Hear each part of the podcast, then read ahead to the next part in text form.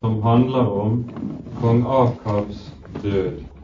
Dere vet, og dere husker fra de tidligere bibeltimene, at det var under kong Akab Elias' virke hovedsakelig utspant seg. Omstendighetene rundt kong Akabs død er meget spesielle og meget lærerike for oss i dag også. Så jeg tror det kan være nødvendig for oss å se grundig på det så langt vi evner, i hvert fall. Skal vi be sammen før vi leser?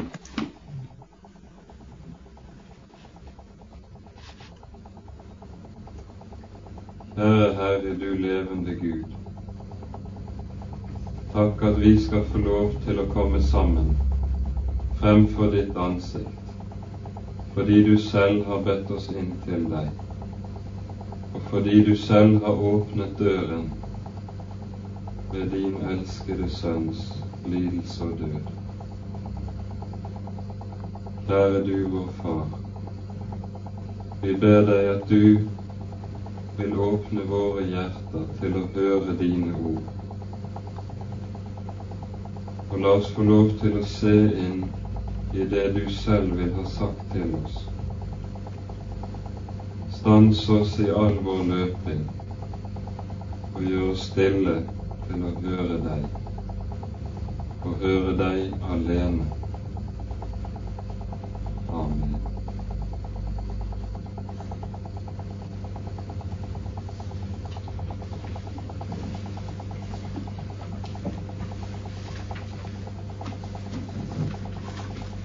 Før vi begynner å lese, tror jeg vi skal rekapitulere litt av det som nå ligger bak. Vi skal eh, altså gå inn i første kongeboks 22. kapittel i dag. Og på dette tidspunktet har kong Akab sittet på tronen i Nordriket i 22 år. Og dette er noen av de mest avgjørende årene i Nordrikets, i Israels historie. I denne tiden, i denne perioden, har vi sett et forfall og et frafall uten sidestykke noen gang ellers i Bibelen. Kanskje vi har én parallell senere i bibelhistorien. Og dette Forfallet, som både er moralsk og religiøst, det er fremskyndet og tilskyndet av Jesabel, som er kong Akabs hustru. Hun kom fra Tyrus og Sidan, et av Israels kanonittiske naboriker. Ved og gjennom henne ble det slik at Baal og Astartedyrkelsen ble innført i Israel som stats- og riksreligion. Og til dette fulgte det også en skarp og hårhendt forfølgelse av Guds folk i Israel, særlig av de som forkynte Guds ord, nemlig profetene. Dermed sier det seg selv at vi er inne i en tid som vi må kalle for åndskampens tid i Israel. En åndskampens tid i særskilt grad. Og høydepunktet i denne åndskampen har vi i det 18. kapittel, der Elias møter de 400 Balsprofetene på Karmels berg. Denne Guds demonstrasjon, så å si, er noe som er helt nødvendig i denne tiden. Gud ser seg nødt til å gripe inn. Velkommen. Gud ser seg nødt til å gripe inn for å vise hvem som er Gud og for å berge sitt folk fra en fullstendig og total ødeleggelse som dette forfallet nødvendigvis ville medføre dersom det fikk fortsette. Etter kampen på Karmelsberg så er Bals og Balsdyrkelsens innflytelse for en stor del knekket i Israel, i hvert fall i ytre forstand. Og vi aner i hvert fall en spire til en ny begynnelse i Akabs liv. Og dette er noe Gud vil fremskynde gjennom noen kamper som følger etter dette. Vi leser nemlig i det 20. kapittel om hvorledes syrerne faller inn i og angriper Israel, og at Herren berger dem mot alle odds, må vi vel si. Slik vil Herren ved å vise sitt folk nåde og barmhjertighet og beskytte dem, gjøre etter ordet som vi finner i Romerbrevet i det andre kapittel, der det står slik Vet du ikke at Guds godhet driver deg til omvendelse? Gud bruker både den skarpe luten og sin godhet når han vil drive til omvendelse. Likevel ser vi at denne Akabs omvendelse, den er en omvendelse som kun er på overflaten. Den stikker ikke dypt nok til at det virkelig blir noe som går inn i hjertegrunnen, for å si det slik. Og det er det som avsløres for oss, ikke minst i det vi skal ta for oss nå i dag. Og Da leser vi fra første kongeboks 22. kapittel. Jeg tror vi skal gjøre det slik at vi leser dette i sammenheng, og så går vi gjennom teksten etter, etterpå. Vi leser de 40 første versene i dette kapittelet.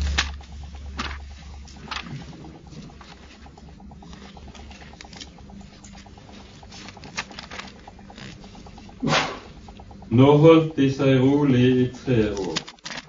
Og det var ikke noen krig mellom Syria og Israel. Men i det tredje år hendte det at Josafat, Judas konge, dro ned til Israels konge. Da sa Israels konge til sine tjenere, Vet dere ikke at Ramot i Gilead hører oss til?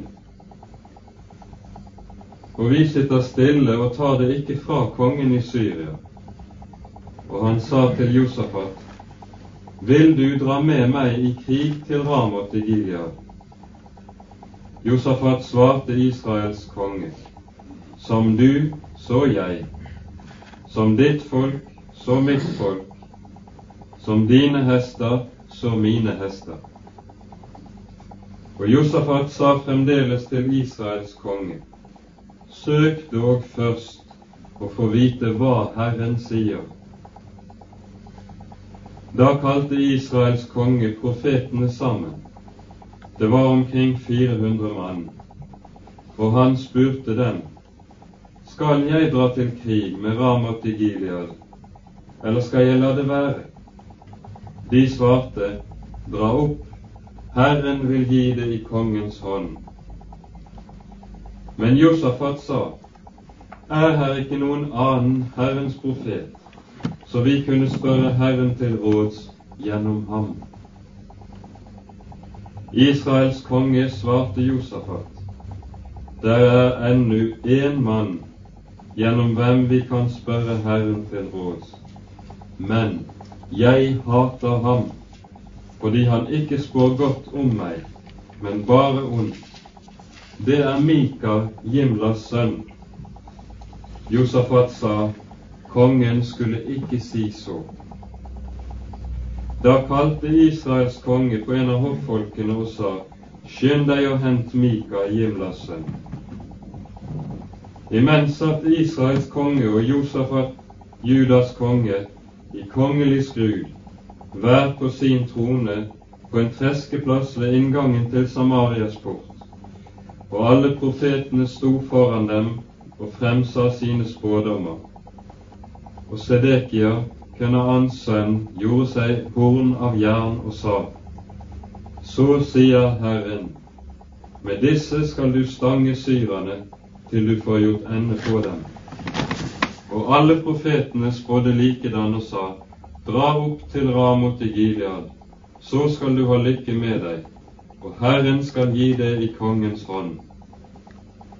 Budet som var gått for å tilkalle Mika, sa til ham, profetene spår med én munn godt for kongen. La nå også dine ord stemme overens med deres ord, og spå godt. Mika svarte, så sant Herren lever, hva Herren sier til meg, det vil jeg tale. Da han nå kom til kongen, sa kongen til ham, Mika, skal vi dra til krig i Ramot i Gilead, eller skal vi la det være? Han svarte, dra opp. Da skal du ha lykke med deg, og Herren skal gi det i kongens hånd. Men kongen sa til ham, hvor mange ganger skal jeg besverge deg, at du ikke skal tale annet til meg enn sannhet i Herrens navn?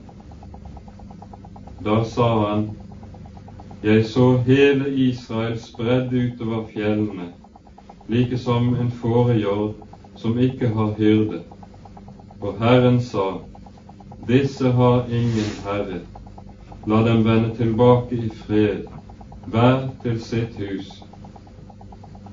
Da sa Israels konge til Josafat, Var det ikke det jeg sa til deg? Han spår ikke godt om meg men bare ondt. Men Mika sa, så hør da Herrens ord. Jeg så Herren sitte på sin trone, og hele himmelens hær stå omkring ham på hans høyre og venstre side. Og Herren sa, Hvem vil overtale Akab til å dra opp til Ramot i Gilead, så han faller der? Og den ene sa så, og den andre så. Da gikk Ånden frem, som er spådomsånden, og stilte seg for Herrens åsyn og sa, Jeg skal overtale ham. Herren spurte ham, Hvorledes? Og han svarte, Jeg vil gå av sted og være en løgnens ånd i alle hans profeters munn. Da sa Herren, ja, du skal overtale ham, og det skal også lykkes deg. Gå av sted og gjør så. Se, nå har Herren lagt en løgnens ånd i alle disse dine profeters munn, men Herren har varslet ulykke for deg. Da trådte Sedekias, Kønaans sønn, frem og slo Mika på kinnet og sa:" På hvilken vei er Herrens ånd gått over fra meg for å tale med deg? Mika svarte, Det skal du få se den dagen du flykter fra kammer til kammer for å skjule deg. Da sa Israels konge, Ta Mika og før ham tilbake til byens høvedsmann Amon og til kongesønnen Joas og si:" Så sier kongen, sett ham i fangehuset, og la ham leve på fangekost til jeg kommer uskadd hjem igjen. Mika sa, kommer du uskadd hjem igjen, så har Herren ikke talt igjennom meg. Og han sa, hør dette, dere folk, alle sammen. Så dro Israels konge og Judas konge Josafat opp til Ramot i Gilead. Og Israels konge sa til Josafat, Jeg vil forkle meg og så gå i striden, men ta du dine vanlige klær på. Så forkledde Israels konge seg og gikk i striden. Men kongen i Syria hadde befalt sine 32 vognhøvedsmenn dere skal ikke stride mot noen, verken liten eller stor. bare mot Israels konge. Da nå vognhøvedsmennene så Josafat, sa de, dette er sikkert Israels konge, og de vendte seg dit for å stride mot ham.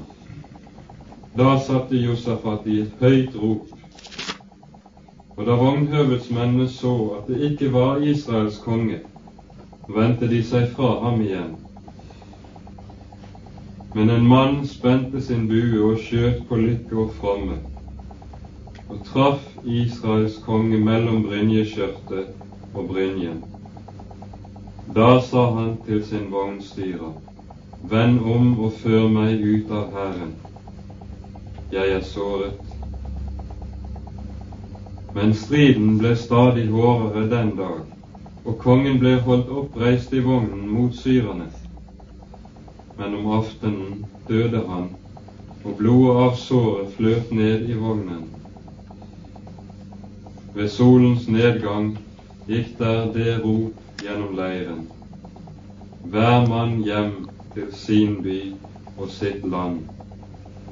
Således døde kongen og ble ført til Samaria, og de begravet kongen i Samaria. Og de skylte vognen i dammen ved Samaria. Da de skylte vognen i dammen ved Samaria, slikket hundene hans blod mens skjøgene badet seg der, etter det ord Herren hadde talt. Hva som ellers er å fortelle om Akab, om alt det han gjorde, om det elfenbenshus han bygget, om alle de byer han bygget, det er oppskrevet i Israels kongers krønike. Og Akab la seg til hvile hos sine fedre, og hans sønn Akasha ble konge i hans sted.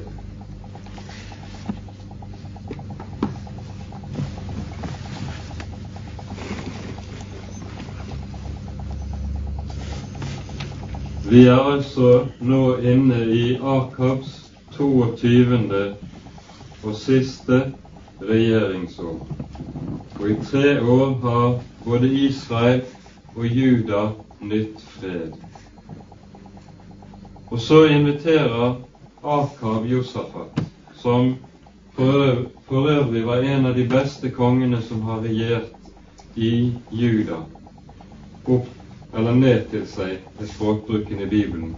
Det står 'ned til seg' fordi Samaria lå lavere i landskapet enn Jerusalem, som lå oppe i fjellene. Han inviterte Josafat ned til seg, og vi skjønner at hensikten med denne invitasjonen var, var politisk og militær. Han ville ha Josafat med seg i en allianse mot syrerne. Tidligere så hadde det vært forbindelse mellom Josafat og Akab, fordi de var blitt besvogret med hverandre. En av Akabs og Jesabels døtre, som het Atalja, ble giftet inn med Josafats ene sønn, som siden ble konge. Og dette svogerskapet hadde ødeleggende virkninger i Sydriket i årene som fulgte etter Josafats død. Det leser vi om i andre kongebok og i kronikebøkene. Atalja når hun mister sin, sin mann senere, så innfører hun et blodregime og et voldsregime som mangler sidestykke i hele det gamle Israels historie. Hun dreper hele Davids kongehus på en nær i sin regjeringstid. Og Vi skjønner her at denne alliansen mellom Josafat, som fryktet Herren, og Akab, som var en avgudsdyrker. Det var en forferdelig farlig affære for Guds folk. Og her kan det sies, i parentes før vi går videre, at i denne sammenheng er det livsfarlig å være snill, slik at man ved hjelp av sin snillhet søker å skape fellesskap mellom lys og mørke. Vi må jo være kjærlige, vi må jo være snille og gode med hverandre. Så går man på akkord med sannheten for å opprette fellesskap. Det vil alltid føre til helt ødeleggende konsekvenser når man går inn i en slik form for snillhet. Ramot i Gilead var den byen de skulle dra opp i krig, opp til for å gjenerobre. Denne byen lå på andre siden, på østsiden av Jordan, og var opprinnelig fra, like fra tiden Israel gikk inn i og erobret Kanans land, så var det en israelittisk by. Syrerne hadde senere erobret den, og nå vil Akab ta den tilbake. Byen var militært sett en meget viktig by. Den lå på et høydedrag som hadde utsikt vidt omkring, og den var meget vanskelig å erobre. Men fra byen kunne man beherske hele det omkringliggende området på en slik måte at man kunne falle inn i Israel, så å si uten at Israel fikk tid til å mobilisere, fordi det lå såpass nær grensen. Derfor var denne byen som en syrisk post en konstant trussel mot Israel.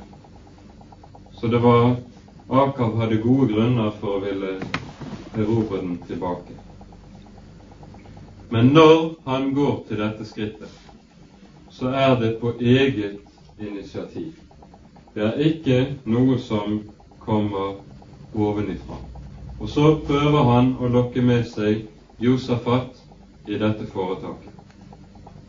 Det står i krønikebøkene der denne beretningen også er omtalt, denne hendelsen er omtalt, så står det at han fristet Josafat, og Josafat lot seg lokke med. Josafat svarer umiddelbart positivt, slik som vi skjønner det må være noe av hans natur, dette, at han vil dele kår med Akab. Som mitt folk, så ditt folk. Som jeg, nei, som du, så jeg. Josafat må ha vært en utpreget hjelpsom og positiv natur. En mann som hadde ondt for å si nei når han ble bedt om å hjelpe til med eller gjøre noe. Det var slik vi kan forstå hans oppførsel i disse sammenhengene. Og nettopp denne egenskapen blir hans ulykke i samkvemmet med Akab. For vi ser Vi nevnte i sted konsekvensene av dette. Og Jesus selv sier uttrykkelig deres tale skal være ja, ja og nei, nei. Det er nødvendig å si nei og, ikke bare ja. For sannhetens skyld kan det være tvingende nødvendig å si nei og nekte å gå med i ting og prosjekter. Særlig gjelder det i prosjekter som har med Guds rike og bygging av Guds rike å gjøre. Jeg tror vi skal lese et par vers fra Esras boks fjerde kapittel der dette er helt i øynefallene.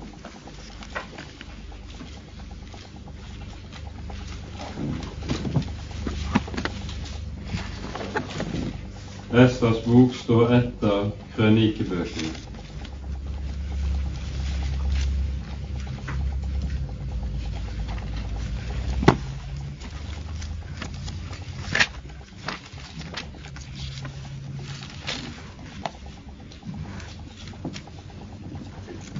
leser vi de tre første versene. Dette er etter gjenkomsten fra eksilet i Babylon.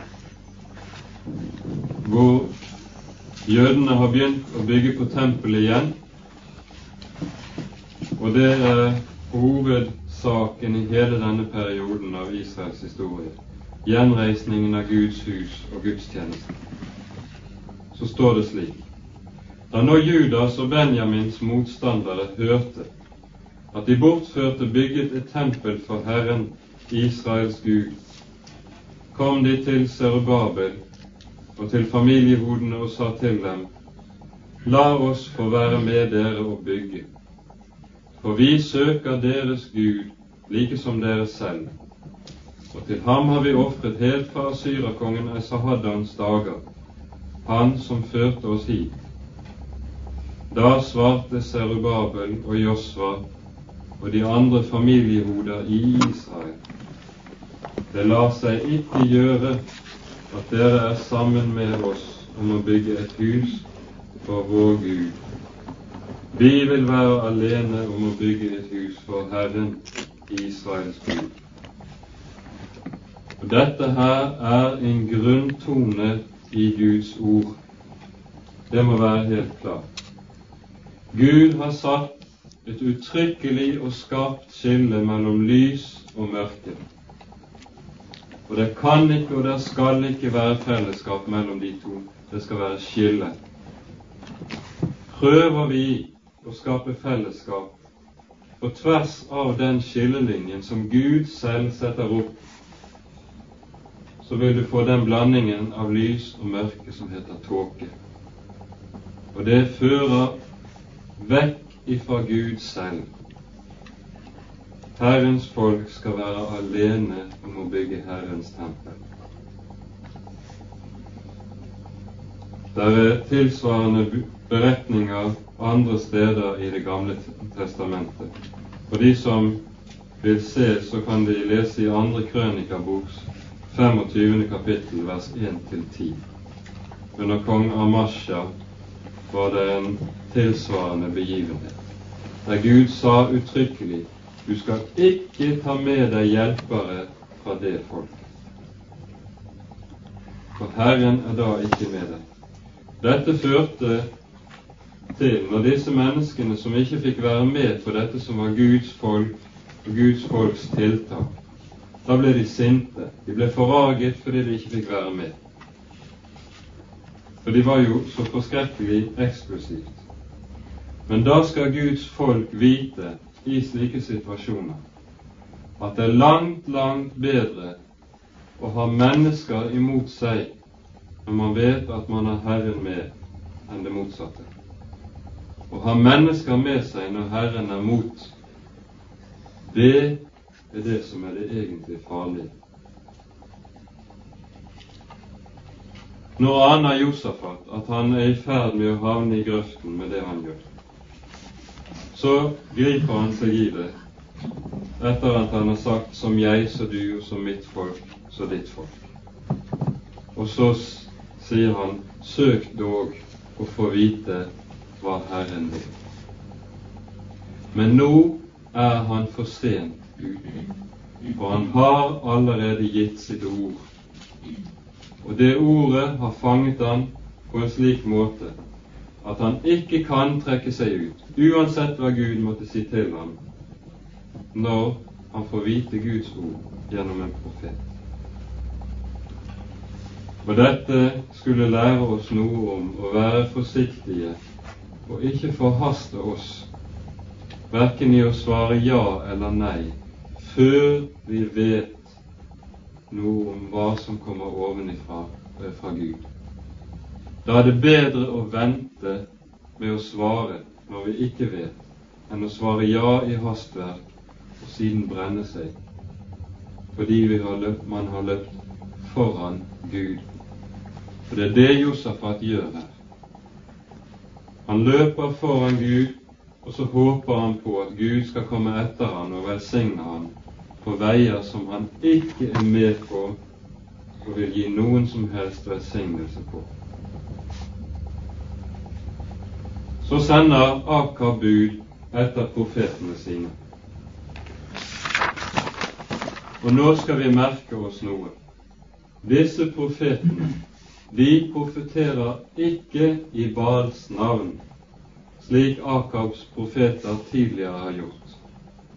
Tidligere hadde jo Akab 400 mann som profeterte for Baal, og som tjente Baal med iver.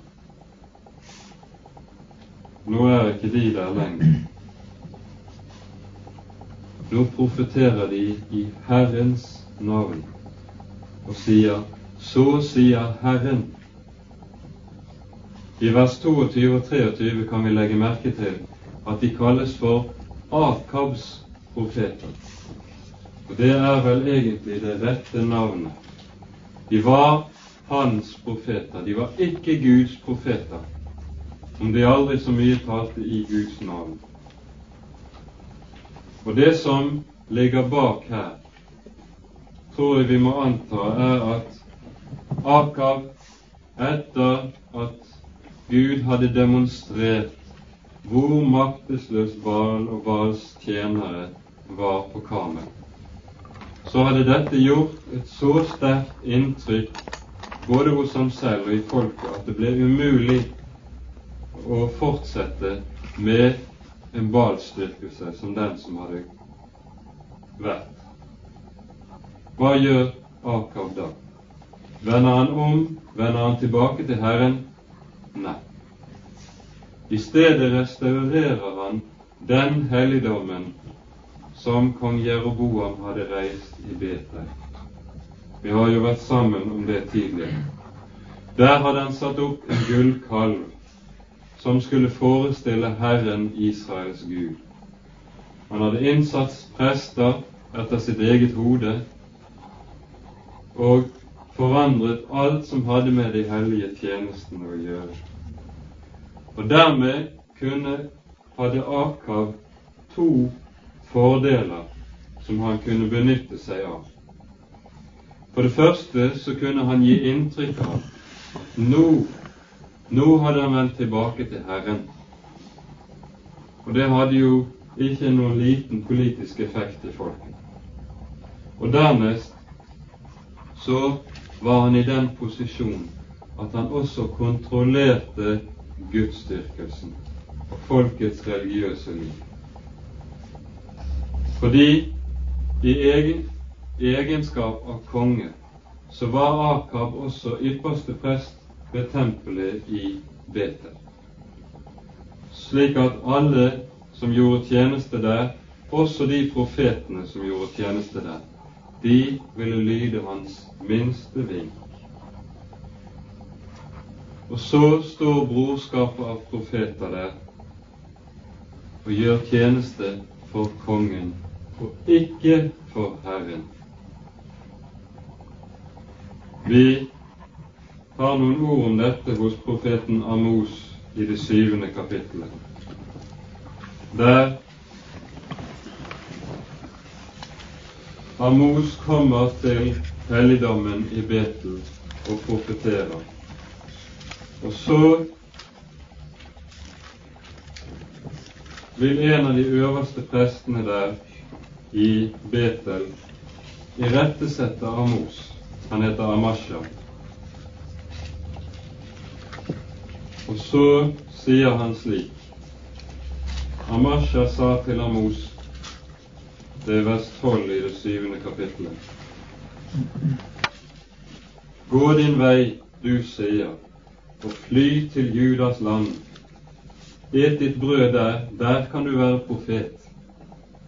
Men i Betel skal du ikke mer holde på å profetere, for det er en kongelig helligdom og et rikstempel.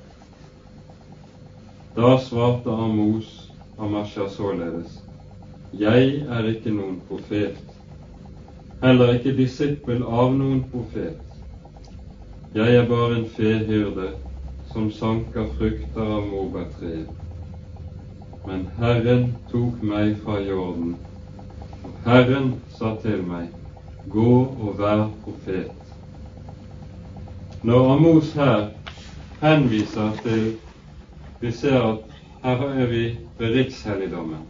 Men når Amos sier 'Jeg er ingen profet', så vil han dermed si det at han hører ikke med blant denne kretsen av profeter som befant seg rundt helligdommen i Betel. Og det som kjennetegnet dem, var jo nettopp at de var falske profeter. De profeterte i Herrens navn, men var alt annet enn Guds, det var alt annet enn Guds ord, det de bar frem. Jeg er ingen profet. Jeg hører ikke med der.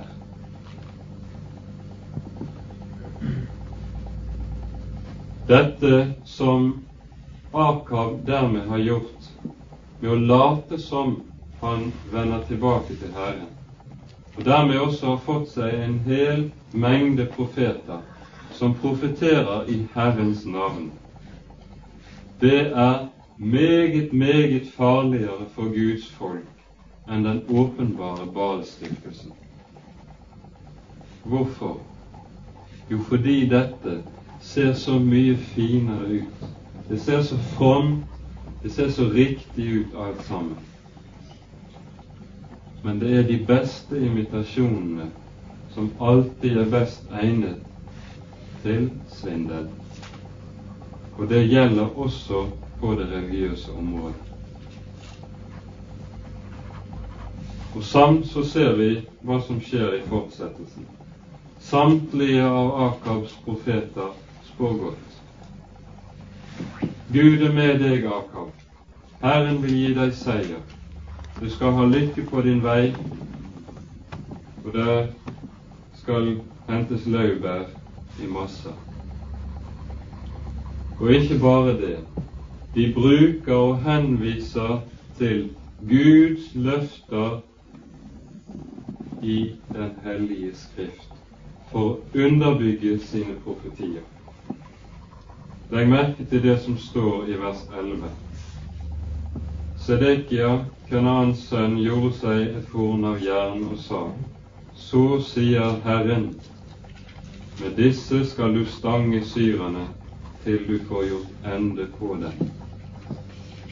Dette er direkte hentet fra 5. Moseboks 33. kapittel vers 17 hvor Moses velsigner Josef. Josef var stamfar til de stammene som bodde i Nordriket. Og i denne Moses sin velsignelse lyder nettopp disse ordene. Josefs horn skal stange fiendene og overvinne fiendene. Og slik kan de jo gi det hele ekstra sterkt og fint uttrykk inntrykk av å være Guds ord som forkynnes, og som han har med seg på veien. Og Dermed blir det ekstra både forførende og tillitvekkende. Josafat gjennomskuer dette. Og han blir slett ikke beroliget, selv om det er 400 mann som taler som med én røst. For han aner det at hele dette skuespillet som det egentlig er, går ut på én en eneste ting å tale Akab etter munnen. Og så spør han er det ikke enda én? Er det ikke én som kan tale Guds ord i sannhet. Det er vel det han vil si egentlig, mens han sier det ikke rett ut. Og nå skal vi legge merke til Akabs omtale av ham. Se i vers 8. Der er en, Mika, Jimlas sønn. Men jeg hater ham fordi han alltid spår ondt om meg. Hos ham er Guds ord. Han tilkalles, og han tilkalles antagelig ut av varetektsfengsel. Fordi han tidligere har spådd ondt om Akab, så har Akab sørget for å holde ham i varetekt. Det ser vi av vers 26, der Akab sier 'før ham tilbake til fengselet'. Underforstått han må ha vært hentet fra fengselet tidligere. og vi aner og vi skjønner hvor lite velsett han var. Og nå ser vi noe som er helt karakteristisk, ikke bare for Akab denne gangen, men til alle tider i Guds folks liv. Når en mann taler Guds ord på en slik måte at det rammer og sårer samvittigheten, når dette ikke tas imot, så men man gjør motstand mot det på en eller annen måte, så vil man alltid på en eller annen måte forsvare seg med den tanken at disse ordene som han taler, de er diktert av personlig fiendskap. Han har en personlig motvilje mot meg. Derav har vi dømmesyken og mørkemannsvesenet som gjør seg gjeldende overfor meg. Jeg hater ham, for han tar spår ondt imot meg. Og så står vi nå, når Mika hentes frem fra fengsel, overfor en åndskamp som egentlig står på linje med møtet på Karmel mellom Elia og de 400 barns profeten. Det er ikke få likhetstrekk. Også her har vi en som er alene mot 400. Også her er det Herren hos den ene, mens de 400, det store flertallet, står for avsporingen og ligger i grøften. Og også her står vi overfor en klinkende klar dom og avsløring av den falske religiøsiteten som gjør seg gjeldende.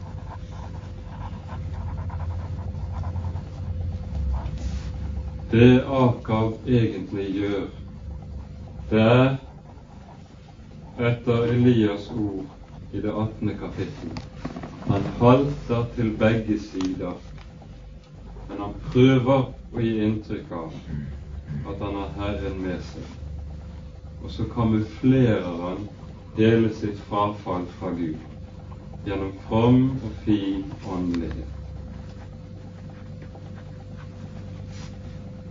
Og nå ser vi for første gang i Det gamle testamentet noe som senere hos profetene kommer til å bli et gjennomgangstema. Kampen mellom de sanne og de falske profeter. Her ser vi det første gangen i virkelig klartekst, om vi kan si det sånn. Etter hvert kommer disse, de falske profetene, til å bli en mektig faktor i Israels åndelige liv. De var mange, og de utøvet i sterkere og sterkere grad ettersom århundrene gikk, en veldig innflytelse på Israels åndelige liv, ikke minst på de styrendes gjøren og laden. Og vi skal merke oss disse blir en av hovedårsakene til Israels åndelige forråtnelsesprosess. Vi kan godt sammenligne det med forskjellen som er mellom furu og gran i, når de råtner opp. Eh, hvis furu og gran ligger i en mur, nei, i, ligger i myrjord i noen år, så vil disse to treslagene råtne opp på forskjellige måter. Furuen vil råtne utenifra og innover.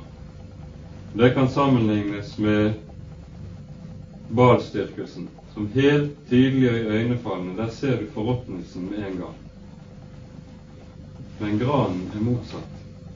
Den råtner opp innenfra. Så du ser det ikke før det hele liksom er spist opp og morken. Slik er det med de falske profetene. De bevirker en åndelig forråtnelsesprosess som margstjeler hele Israels åndelige liv og kraft. Nå kan vi spørre skal jeg åpne døren? Begynner det å bli varmt nå? Da åpner vi døren.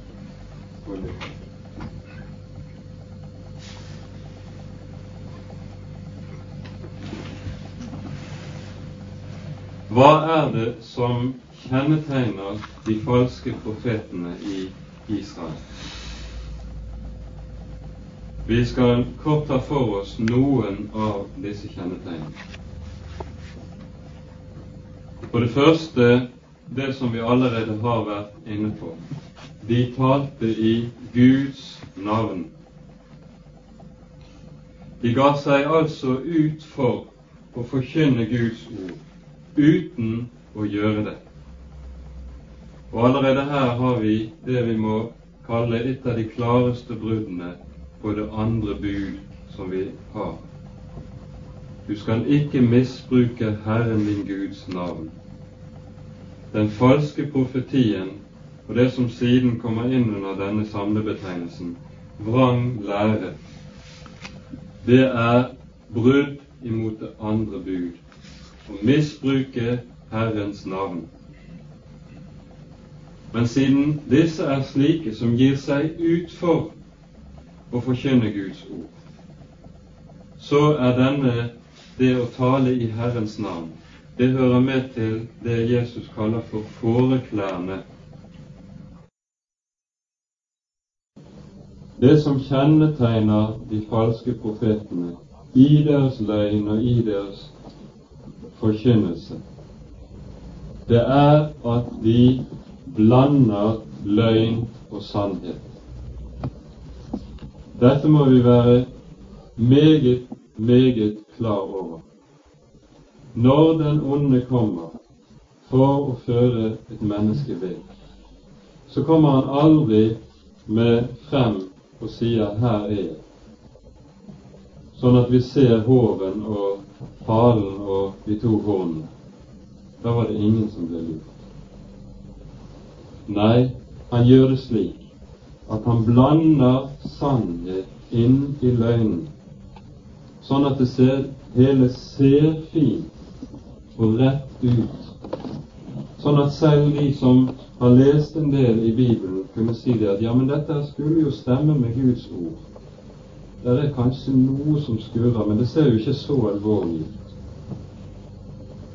Men løgn og sannhet er blandet på en så fin måte at man blir lurt.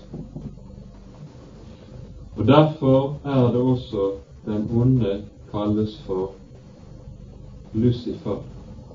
Han kommer som lysets engel. Han kommer ikke som mørkets fyrste som med velde skremmer. Nei, tiltalende og i pene klær.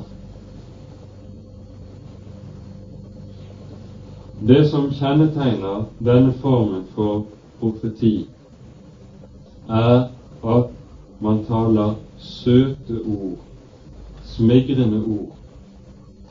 Senere sies det hos profeten Jeremias og Esekiel og Esaias gang på gang slik de taler til mitt folk og sier fred, fred, og det er dog ingen fred. De taler altså om slikt som vi ville kalle for Guds kjærlighet. De taler om Guds godhet, at Gud er med oss. Gud støtter oss og hjelper oss. Slikt som alle mennesker veldig gjerne vil høre noe om, og gjerne ta til seg.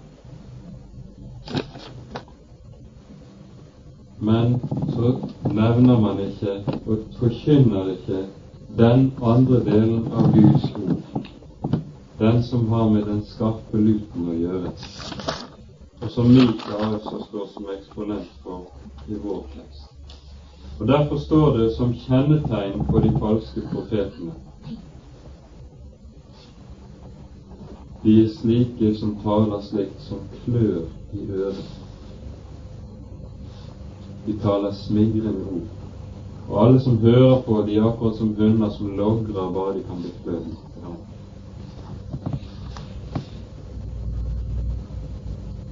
De taler fred, fred, og får Guds folk til å sette sin lit til løgnaktige ord.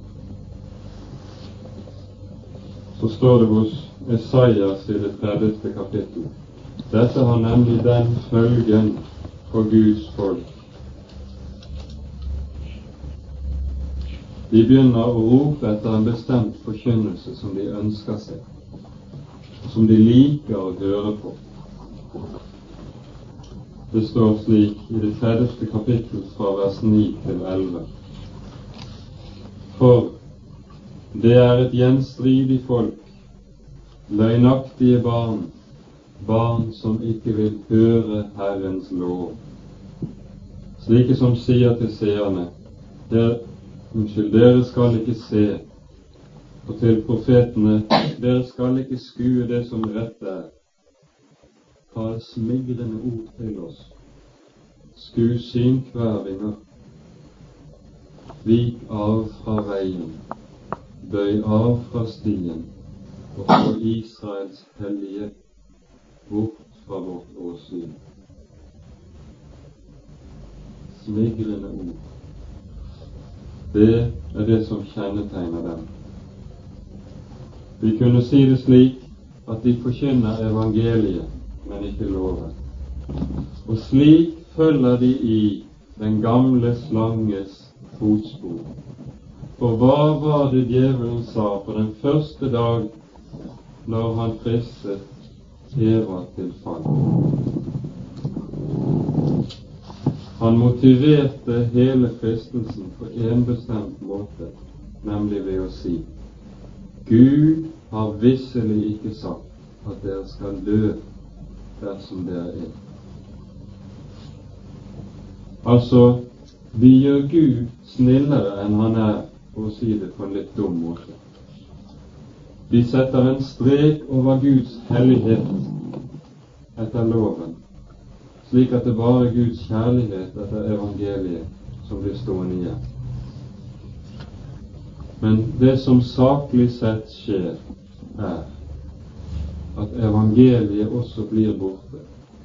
For hvor det ingen lov er, er det heller intet evangelium. De to tingene må alltid stå side om side. Jeg lærer ikke Herren å kjenne utenom gjennom lov og evangelium sammen.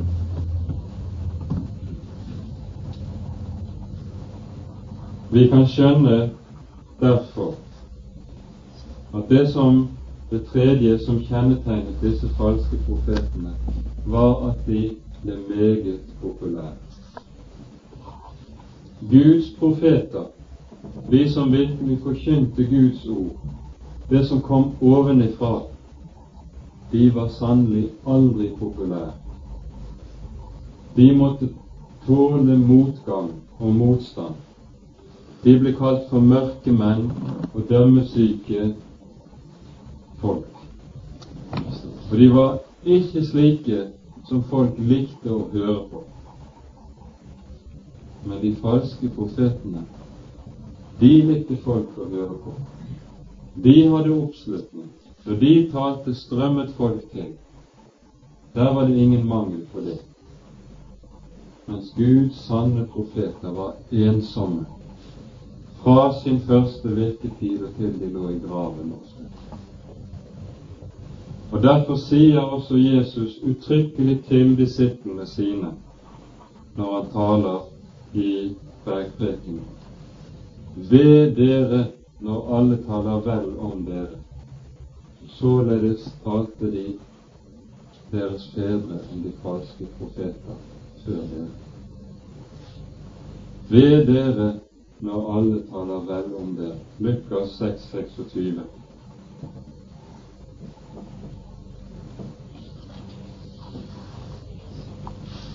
Og det er jo naturlig, det følger jo i fotsporene på dette, at når de ble slike populære folk, så ble det også mange av dem.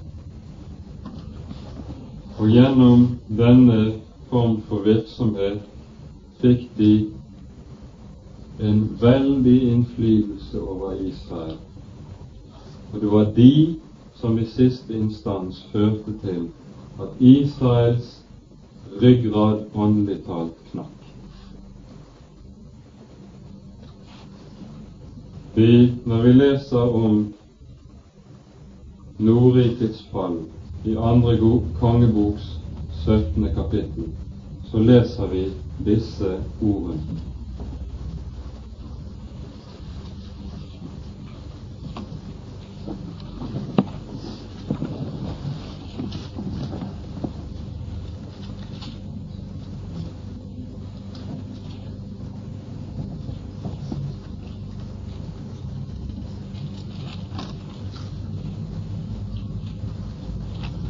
Står slik i vers 9 i den gamle oversettelsen. I den nye kommer dette ikke frem i det hele tatt. Israels barn tilhyllet Herren sin Gud med ord som ikke var rette. Israels barn tilhyllet Herren sin Gud med ord som ikke var rette. Det vil si, at de ved å utlegge Guds ord på vrang måte, så skjulte de Gud. Og dermed så kom folket bort fra Han som var Herre. Og dette er alvoret i de falske profeters virke og forkynnelse, nemlig dette hva er det Guds folk lever av? Jo, av én en eneste ting av Guds ord. Dersom dette ordet tåkelegges på en slik måte at man vi ikke ser det og kan få hente mat av det lenger, da dør Guds folks åndelige liv det er alvorlig. Vi skal lese fra 5. Moseboks 26. kapittel, der det står slik i det 17. verset. Og dette er en måte å tale på i Mosebøkene som går igjen gang på gang på gang. Det er akkurat som Gud ikke kan innskjerpe dette tilstrekkelig, og derfor må gjenta det om igjen og om igjen. Men merkelig nok, Guds folk lærte det aldri. Det står slik i det 17. verset. Du har i dag gitt Herren ditt ord, at Han skal være din Gud, og at du vil vandre på Hans veier, ta vare på Hans lover og Hans bud, Hans forskrifter og lyde Hans røst. Når vi leser dette verset, så leser vi det som om dette var ulike ting som sto side om side. Altså at vi skal frykte Gud, vi skal vandre på Guds veier. Når vi vandrer på Guds veier, så skal vi også passe på å ha Bibelen med oss i tillegg. Slik er det ikke. Etter hebraisk språkbruk er det slik at dette som står i den andre setningen, utdyper det som står i første halvdel av verset. Det betyr at det bare går an å ha Herren til sin Gud og vandre på Hans veier ved å ta vare på Hans ord. Det å ta vare på dette ordet, det er identisk med å ha Herren til sin Gud. Det er alvoret i det. Forsvinner dette ordet ut mellom fingrene på oss og ut av hjertene og ut av ørene våre, så blir ikke Herren vår Gud lenger, men vi får andre guder. Derfor er de falske profetenes virke så forferdelig farlig. For det er ikke bare å tukle med et og annet bibelvers her og der. Å ha en lærestrid her og der. Men når Guds ord blir vekke, så blir Gud vekke. Og vi kan ikke lenger vandre på hans veier. Derfor står det så uttrykkelig i Israels egen trosbekjennelse. Vi har vel hatt dette fremme tidligere. Israels trosbekjennelse står i 5. Moseboks 6. kapittel. Og hvordan begynner denne trosbekjennelsen? Hør, Israel. Trosbekjennelsen begynner med det ene ordet hør. For Herren får bare være vår Gud gjennom at vi hører dette ordet og tar vare på det.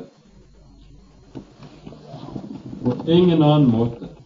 Og vel å merke tar vare på alt fra begynnelsen til enden, ikke bare litt. Ikke stryke det som ikke passer oss, slik det mer og mer er blitt moderne i dag. Og det som er moderne i dag, er også moderne på Akers. Stryk det som ikke passer. Det er en veldig behagelig holdning å ha til Guds ord. Hør, Israel, sier Herren, og bare gjennom at vi hører, på Herren være Gud. Og hvordan var det slangen Vi har vært inne i syndefallsberetningen noen ganger. Hvordan var det han førte Adam og Eva vekk og inn i fallet gjennom dette ene at han førte dem bort ifra Guds ord. Han sa det første han sier, har Gud virkelig sagt? Så så han tvil om dette ordet, og når Eva ikke lenger har tillit til dette ordet, så faller han. Og her kan vi sette opp en regel. Dersom den onde får føre oss bort fra Guds ord, så kan han siden føre oss hvor han vil.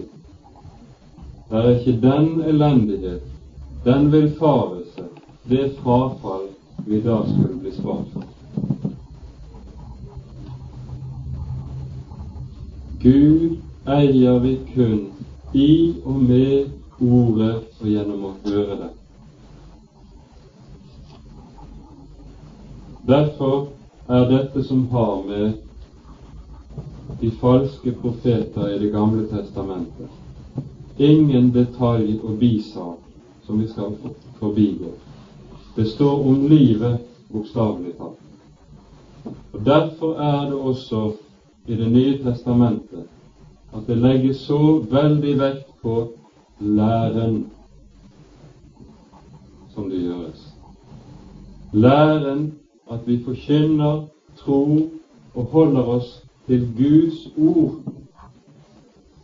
og ikke tukler med det.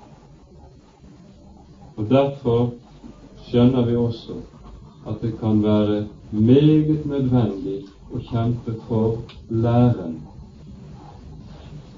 Dersom vi bare ser etter i Det nye testamentet, så vil vi se at hele Det nye testamentet er fullt av advarsler mot vranglære, mot falske profeter, og Det nye testamentet er fra denne side sett det eneste sammenhengende stridsskrift som gjør opp med avveiene for å lede oss på den rette vei. Det er sagt, satt på spissen, men jeg tror at vi har Guds ord i vår hånd når vi sier det slik. Nå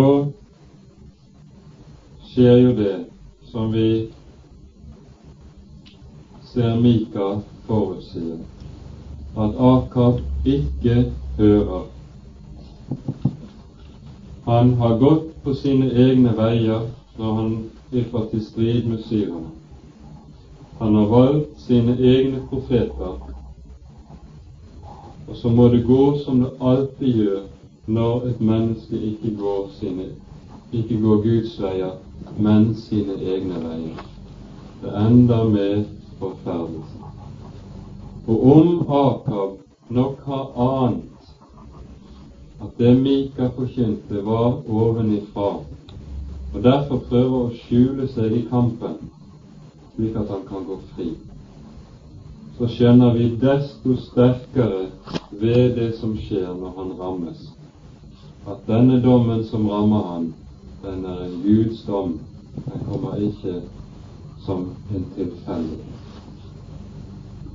Syndens lønn er døden. Og dette er det som i Bibelen vi må kalle for den egentlige synd. Synd i Bibelen er jo ikke først og fremst tusen ulike gjerningssynder, men det er det at jeg går mine egne veier.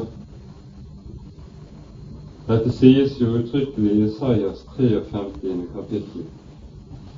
Vi for alle vill som får, vi vendte oss hver til sin vei. Men Herren lot vår alles misgjerning ramme ham, nemlig den misgjerning som er den grunnleggende, at vi vandrer på våre egne veier og ikke på hans vei. Inn her er det Gud vil føre oss inn i det å høre. Og bare gjennom å høre kommer vi bort fra egne veier. Og jeg har lyst til at vi skulle lese noen vers fra Salme 81 til slutt.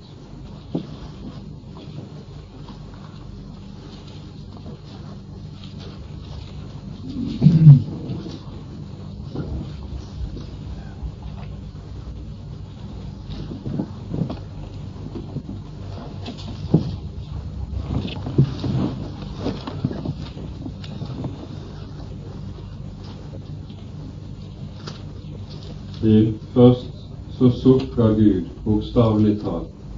Det er ikke mange steder det i Bibelen står om at Gud sukker. Men her står det etter grunnteksten slik Hør, mitt folk, jeg vil vitne for deg. Israel, o at du ville høre meg. Så hopper vi til 12. Men mitt folk hørte ikke min røst, og Israel ville ikke lyde meg. Så lot jeg dem fare i sitt hjertes hode, for at de skulle vandre i sine egne onde råd. Merk de egne veiene. Så gjentar Gud, O at mitt folk ville høre meg og at Israel ville vandre på mine veier. Om en liten stund ville jeg da ydmyke deres fiender og vende min hånd imot deres motstandere. Når Guds folk hører, da skal de selv slippe å føre striden. Da vil Herren stride, og de skal få lov til å være stille. Men er det omvendt, når vi ikke hører, da vil Herren ikke stride, og vi skal gjøre det på egen hånd, som Akab. Så må det gå galt.